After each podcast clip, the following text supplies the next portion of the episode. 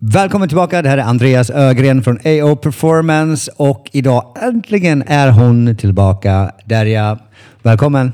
Tack så jättemycket. Kul att vara tillbaka och återuppta den här podden igen. Skönt att prata svenska igen också. Ja, precis. Du hade ju ett avsnitt med en eh, engelsktalande förra avsnittet. Mm, Dr. Robert Rakowski, eller Dr. Bob Rakowski. Jag tycker ni ska verkligen lyssna på det om ni inte har gjort det, för det finns otroligt mycket information där om inom sport nutrition, kanske i synnerhet, men det finns massa info om att öka sitt välbefinnande och välmående och leverne, men även prestation om du är idrottare. Mm, jätteintressant avsnitt. Jag säger samma sak. In och lyssna om inte du har gjort det. Så där, idag är ett nytt poddavsnitt och eh, vi kommer idag att prata om ett inlägg som du gjorde på Instagram. Eh, podden kommer vara lite mer fokuserad där. Eh, Själva rubriken i inlägget heter Välj rätt övningar. Eh, ett jätteintressant inlägg där du har eh, spaltat upp några saker som du eh, definiera lite grann som dina tankar kring hur träning ser ut idag ute i samhället. Eh, och vi kommer välja ett par av dem och gå djupare in. Men innan det så eh, var jag lite nyfiken på hur kommer det sig att du känner att du vill behovet av att lägga ut ett sånt inlägg? Välj rätt övningar. Mm. Vad vill du skicka för budskap till publiken? Oj, vilken fråga. Eh, asbra. Nej, alltså jag, jag får ju väldigt mycket mail från människor som har ont. I, och genom att jag jobbar med idrottare så får jag ju eh, 99% av idrottare och så får jag några, några som är 1% som är från människor som har extrema smärtor och problem med sin kropp. För de har hört att jag är hyfsad på det. Och jag börjar bli rätt fed up på att människor har ont, i synnerhet då inom framförallt sportens värld som jag är mest involverad i nu för tiden. Och de flesta skador eller smärtor kommer från jävligt dåliga val av övningar.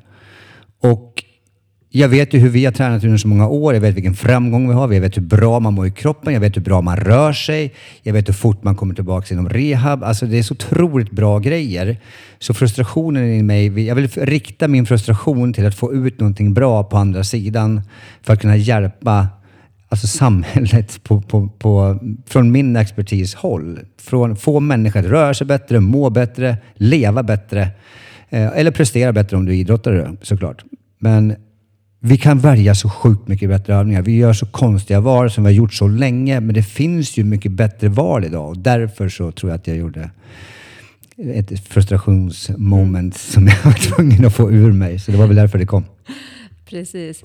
Eh, och där tänkte jag faktiskt idag plocka två av dina tankar. Okay. Som inte är så mycket fokuserat på idrotten utan vanliga motionärer eh, och eh, vissa eh, viss problematik du ser i den typen av träning. Och jag kommer läsa direkt ur hur du har formulerat. Mm. Och då har du så här, en av dina tankar.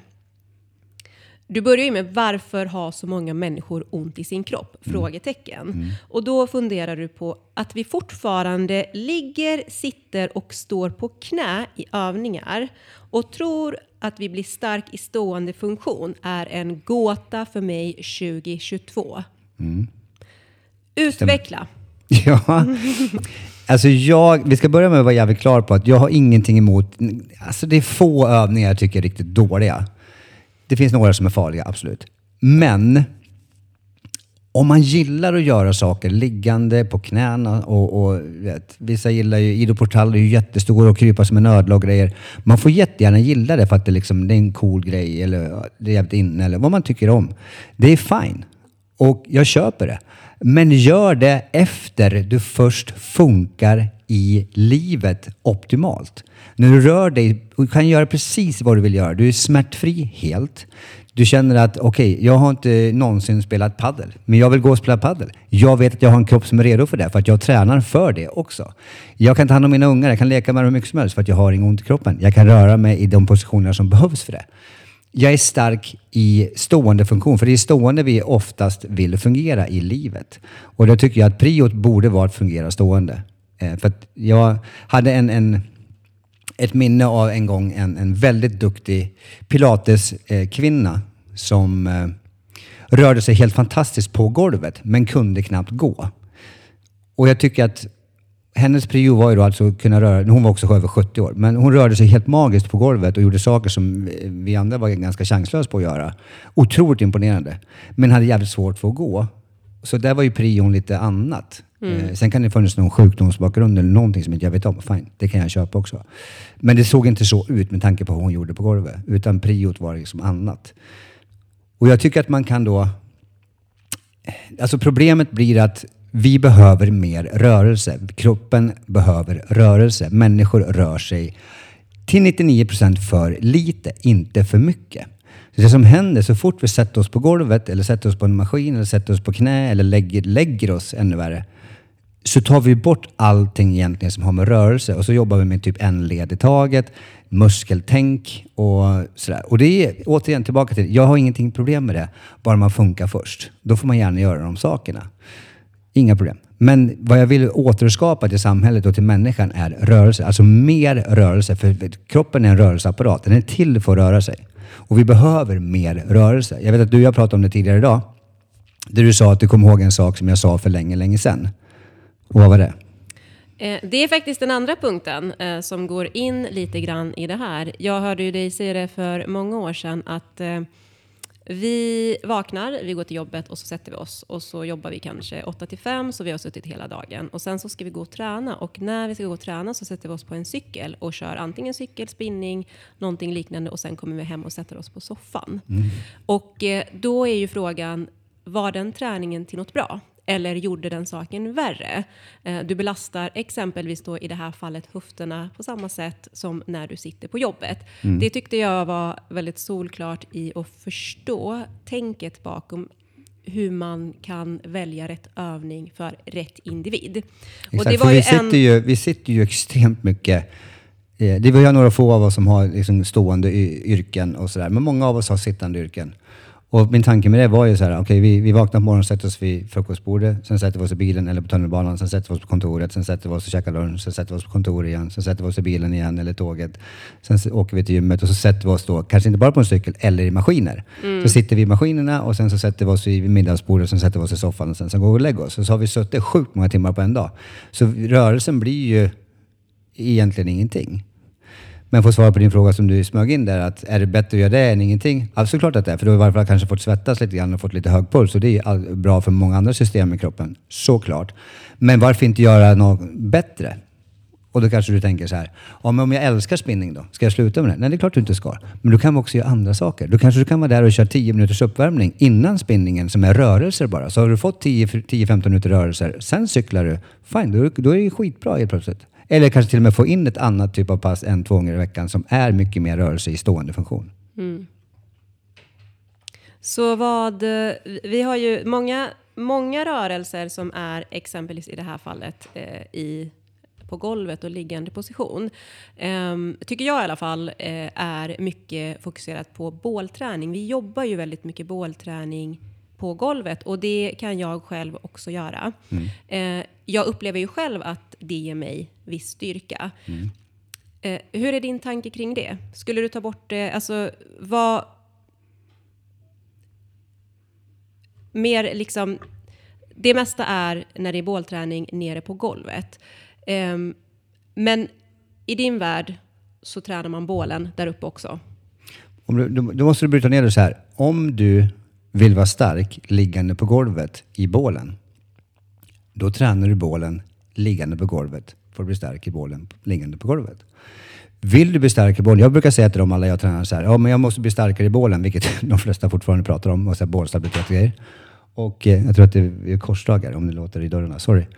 Men det man...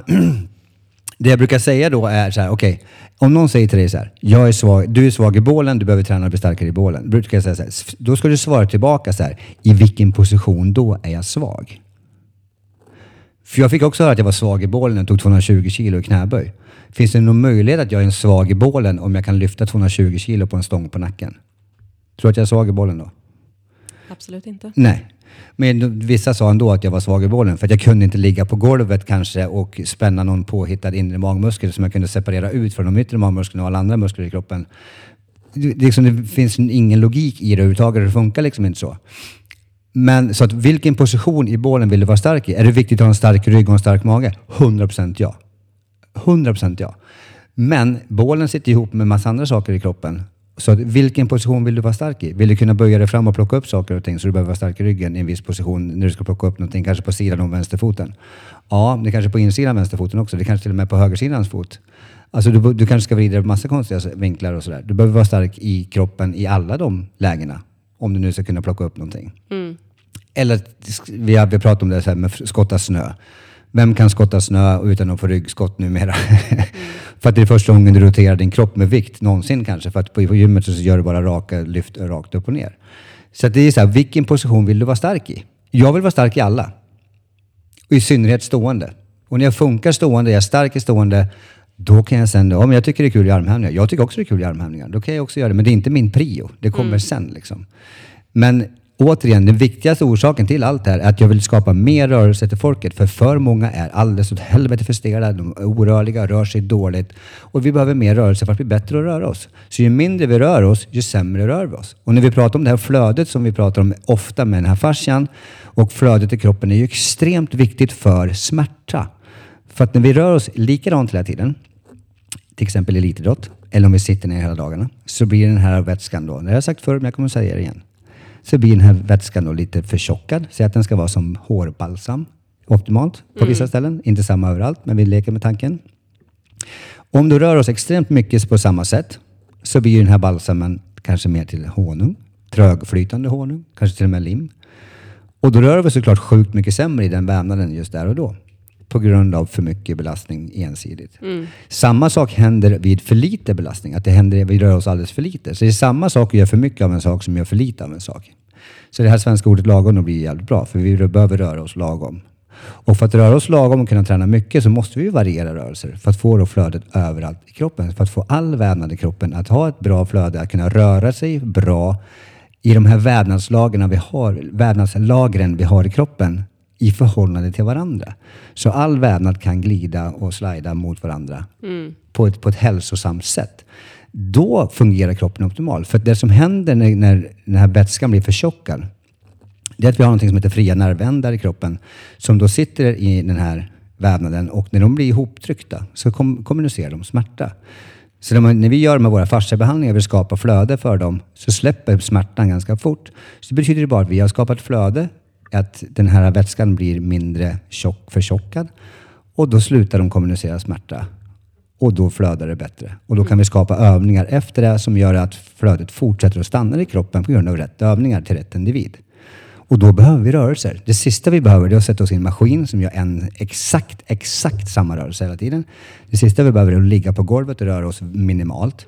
Utan vi behöver mer rörelse för att må bättre. Och hade vi levt i ett samhälle där alla rör sig asmycket, då hade inte jag sagt så här. Mm. Det hade varit ja, annat. Eh, så här, du får nog förklara en sak eh, lite mer här för våra lyssnare. Eh, när du sätter dig i en maskin och rör dig så har du en rörelse. Du pratar väldigt mycket om vi behöver röra på oss. Ja. I maskinen rör du dig också. Absolut. Eh, men du gör ju skillnad på rörelse och rörelse. Det är ju fortfarande en rörelse. 100 procent. Du har helt rätt. Mm. Och ja, maskinen är ju rörelse, men den är ju exakt likadan varje gång.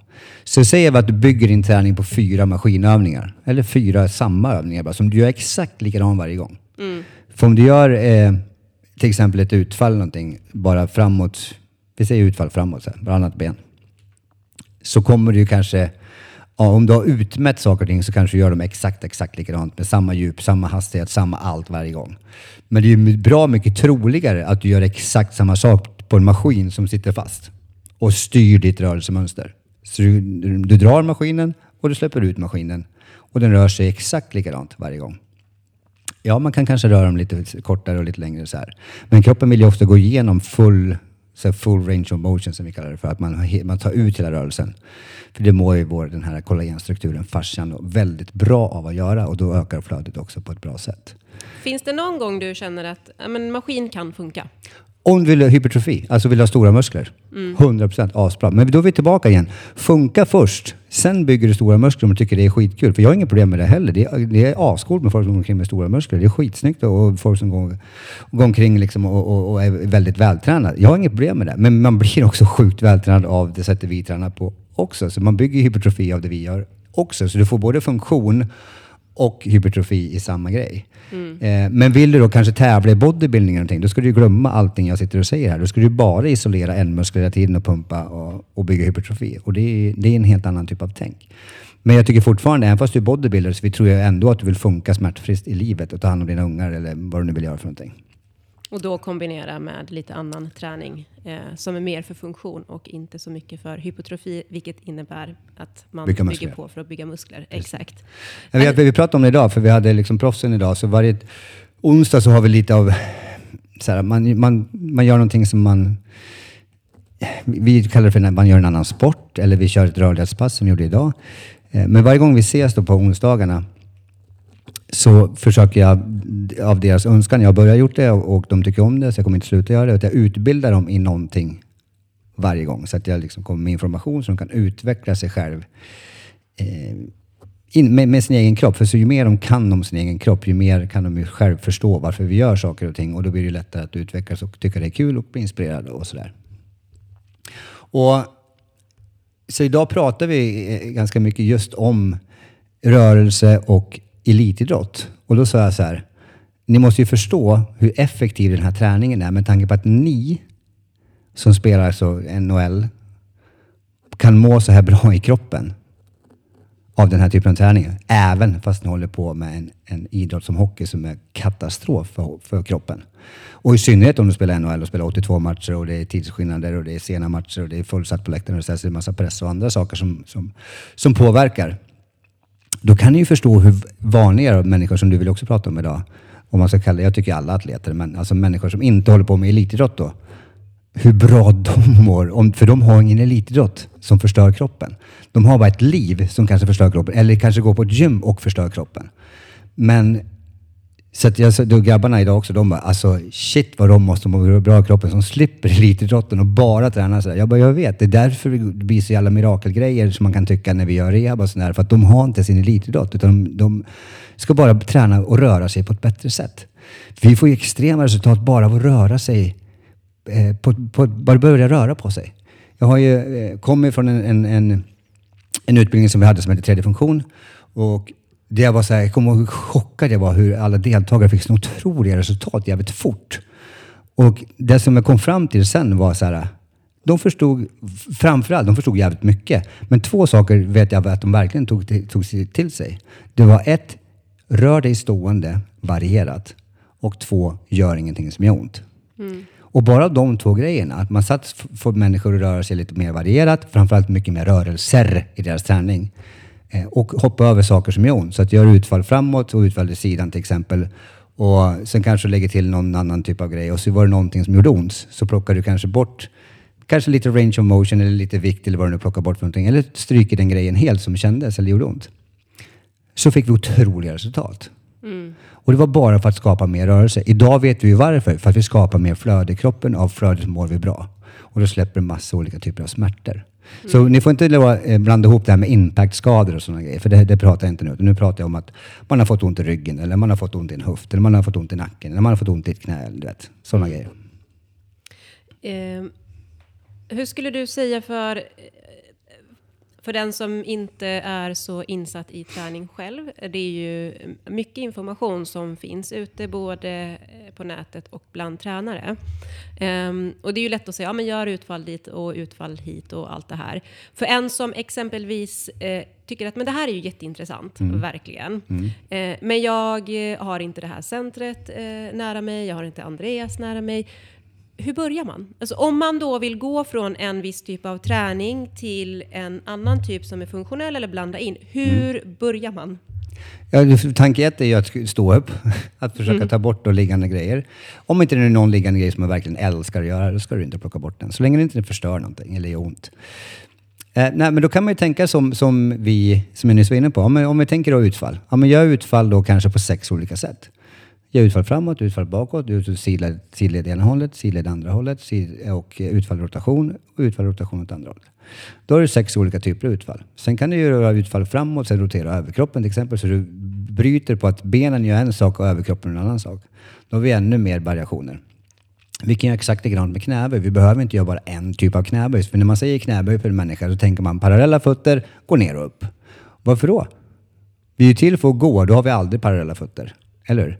Så vi borde ju ha någon typ av anledning att när vi går och springer så har vi särade ben. Då kanske vi behöver träna så också. Så kan vi inte göra det då? Men försök hitta då 15 eller 10 olika squats positioner. Börja med olika fotpositioner. Och likadant där, säg att du börjar med vanliga och traditionella Eh, och gör några stycken. Och sen så kanske du flyttar ut fötterna lite bredare, så flyttar ihop fötterna lite smalare. Sen flyttar du fram en fot, sen flyttar du fram andra foten. Sen gör du bredare och flyttar fram en fot. Sen gör du bredare och flyttar fram den andra foten. Sen gör du smalare och flyttar fram en fot. Alltså det finns ju oändliga variationsmöjligheter bara där med knäböj och, och utfall. Eh, och så kan du också göra, vi säger att du gör knäböj med höger, eh, split squats. Höger fot fram, vänster bak. Vi håller lite brett, kommer kanske ta lite mer på insidan lår, eh, ljumskar så här. Och sen så roterar du utåt på ena knäböjen och inåt med överkroppen på andra. Ja, då kommer du ha olika reaktioner för du kommer att, att eh, eh, jag har, så mycket, jag har pratat så mycket engelska nu på sistone, så jag har mycket engelska ord. Sorry. Men vad heter det? Att vi, vi träffar, kan man säga, olika vävnader, olika strukturer i kroppen. Men om jag roterar utåt med höger fot fram och jag roterar åt höger med överkroppen så kommer jag kännas på ett sätt. Om jag roterar åt vänster med överkroppen kommer jag kännas på ett annat sätt. För vi träffar olika strukturer i kroppen. Och vi vill ju träffa så många som möjligt. Så man kan också då lägga in olika djup. Som jag gör alla de olika typerna av knäböjen och utfallen. Så jag gör olika djup. Jag gör olika hastigheter. Jag gör fort ner, långsamt upp. Så att bara här har du ju fått 250 övningar. Så det är små justeringar egentligen som krävs för att det ska bli en variation. Det Verkligen. kan räcka med en fotplacering som är lite annorlunda än utgångspositionen. Verkligen. Hur är belastningen tycker du? Förutom hastigheter som också är en viss typ av belastning. Mm. Eh, hur ska man tänka? Eh, för man står ju inte alltid stabilt i de här positionerna. Om du har foten utåt, inåt, vad det nu är, så är ju inte du lika stabil Såklart. som du är på två ben när du gör benböj. Hur tänker du kring eh, vikter och sådär i övningar som du ibland med visar eller förespråkar? Alltså jag brukar säga så här att när du klarar 15 repetitioner med hög hastighet med kontroll och du känner dig inte utmanar dig längre, då måste du lägga på vikt. Och sen så tycker jag också att man kan variera vikten också. Vad är det du håller i? Kroppen vet ju inte vad det är för vikt. Den vet ju inte vad det står för siffra på den. Det enda de vet är att okay, nu är det någonting som var tungt där, nu måste jag ta i mer. Det är det enda kroppen vet. Den har ingen aning om om du har en viktskiva eller en medicinboll eller en stång eller en, en, en hantel. Den har ingen aning. Utan en extern belastning som kroppen måste anpassa sig att kunna klara av och flytta. Och då kan vi väl passa på att använda olika typer av belastning för att flytta den här. Så att, ja, nu ska jag lyfta upp en hantel, nu ska jag lyfta upp en viktskiva, nu ska jag lyfta upp en medicinboll. Så att variera den också, för vi håller ju i en hantel och en medicinboll på olika sätt. Så det kommer också att, att träffa då på olika strukturer i kroppen på grund av hur vi håller i saker. Så att, eh, tänk lite, alltså var inte så rädd att prova på. Utan våga experimentera lite grann. Det är jävligt kul. Och kroppen mår sjukt bra av det. Så för dig som vill komma in lite grann i det här tänket, börja med att göra övningarna stående. Undvik saker som ger dig smärta. Om du klarar av någonting mer än 10 10-15 repetitioner så ökar du på också Med hög hastighet. Mm. hög hastighet och sen så lägger du på vikter. Exakt. Så där är ju bara en liten checklist om du känner att, och var inte rädd för rörelser. Det finns egentligen inga fel rörelser så länge du förbereder din kropp och bygger upp en vävnadstolerans. Då kan du både böja ryggen och lyfta och stå med konstiga fotpositioner och böja och allt det där. Jättebra sagt, för det är exakt så. Och eh, sen, om, man, om man tar med sig den här meningen också. Om du ska börja springa så kommer inte du börja springa 10 bil. Eller hur? Du börjar kanske, om du tänker bra, så bara, okej men jag kanske ska springa 500 meter första gången. Eller en kilometer. Eller en och en halv. Beroende på vad du har för typ av grundform innan. Liksom. Men du kommer inte börja med 10 mil. Så likadant det här, börja inte med en 40 kilos medicinboll och kör i olika positioner med fötterna. Jag har aldrig gjort det. Det är bara vansinne. Utan börja med kroppsvikt, börja långsamt, börja så att du får kontroll. Lek med rörelserna, för som där jag säger, det är asbra och det är noll farligt om du gör det ett steg i taget. En skada kommer när vävnad blir överbelastad. Alltså vävnaden kan inte hantera den belastning vi sätter på den. Så att om jag sätter för mycket belastning på min vävnad som inte är van att göra den, då har jag inte rätt vävnadstolerans och då går den sönder. Så det är därför vi får ont och det är därför det händer bristningar och det är därför vi går sönder. Så att, eh, vi behöver bara vara lite smartare, i, i, precis som vi är med... I, om jag ska göra bänkpress, det är inte så att jag går på och lägger på 140 det första jag gör. Aldrig gjort bänkpress i mitt liv. Hur mycket vill du ha? 140? Ge mig! Det, det är ingen som gör det heller. Så det är samma tänk här. Börja med A, sen B, sen C, sen D, sen F. Gå inte från A till P. Bra, smarta, kloka ord som får avsluta vårt eh, eh, avsnitt den här gången. Och eh, om ni vill komma i kontakt med oss, om ni bor i närheten av Stockholm, vill ha våran hjälp så har ni alla våra uppgifter på våran hemsida. Ni har våran Instagram så att det är bara att höra av sig och skriv till oss med era funderingar så kontaktar vi er. Jättebra, för vi har ju verkligen, alltså vill man testa på det här och ha ännu mer hjälp från oss så har vi både online-träning eh, med, som är mer en och en, alltså an, individanpassad online-träning som både proffs kör och eh, många andra. Eh, vi har även online-klasser som man kan köra och eh, såklart har vi vårt egna center här i Hammarby Sjöstad i Stockholm. Så att vi är öppen för allt. Det enda vi vill det är att hjälpa dig att må bättre. Det är det enda. Det är därför vi gör den här podden. Det är därför den här podden är helt gratis information till helt er. För att vi älskar att hjälpa människor att må bättre. Så det handlar inte om att vi ska säga att vi är bättre än någon annan eller såga någon på något sätt. Utan vi vet bara hur sjukt bra det här funkar och därför vill vi få ut det till fler. Det är liksom allt. Så mejla oss gärna på podcast at aoperformance.se. Eh, hemsidan aoperformance.se funkar lika bra där. Att, det finns också kontaktformulär. Så uh, sätter vi punkt för den här gången. Det tycker jag vi gör. Tack och kul att ha dig tillbaka. Tack så jättemycket. Var den här det var applåder tror jag? Ja, det var det. Applåder till Derja. Tack för att du Tack, lyssnade. tack. Hej då. Hej då!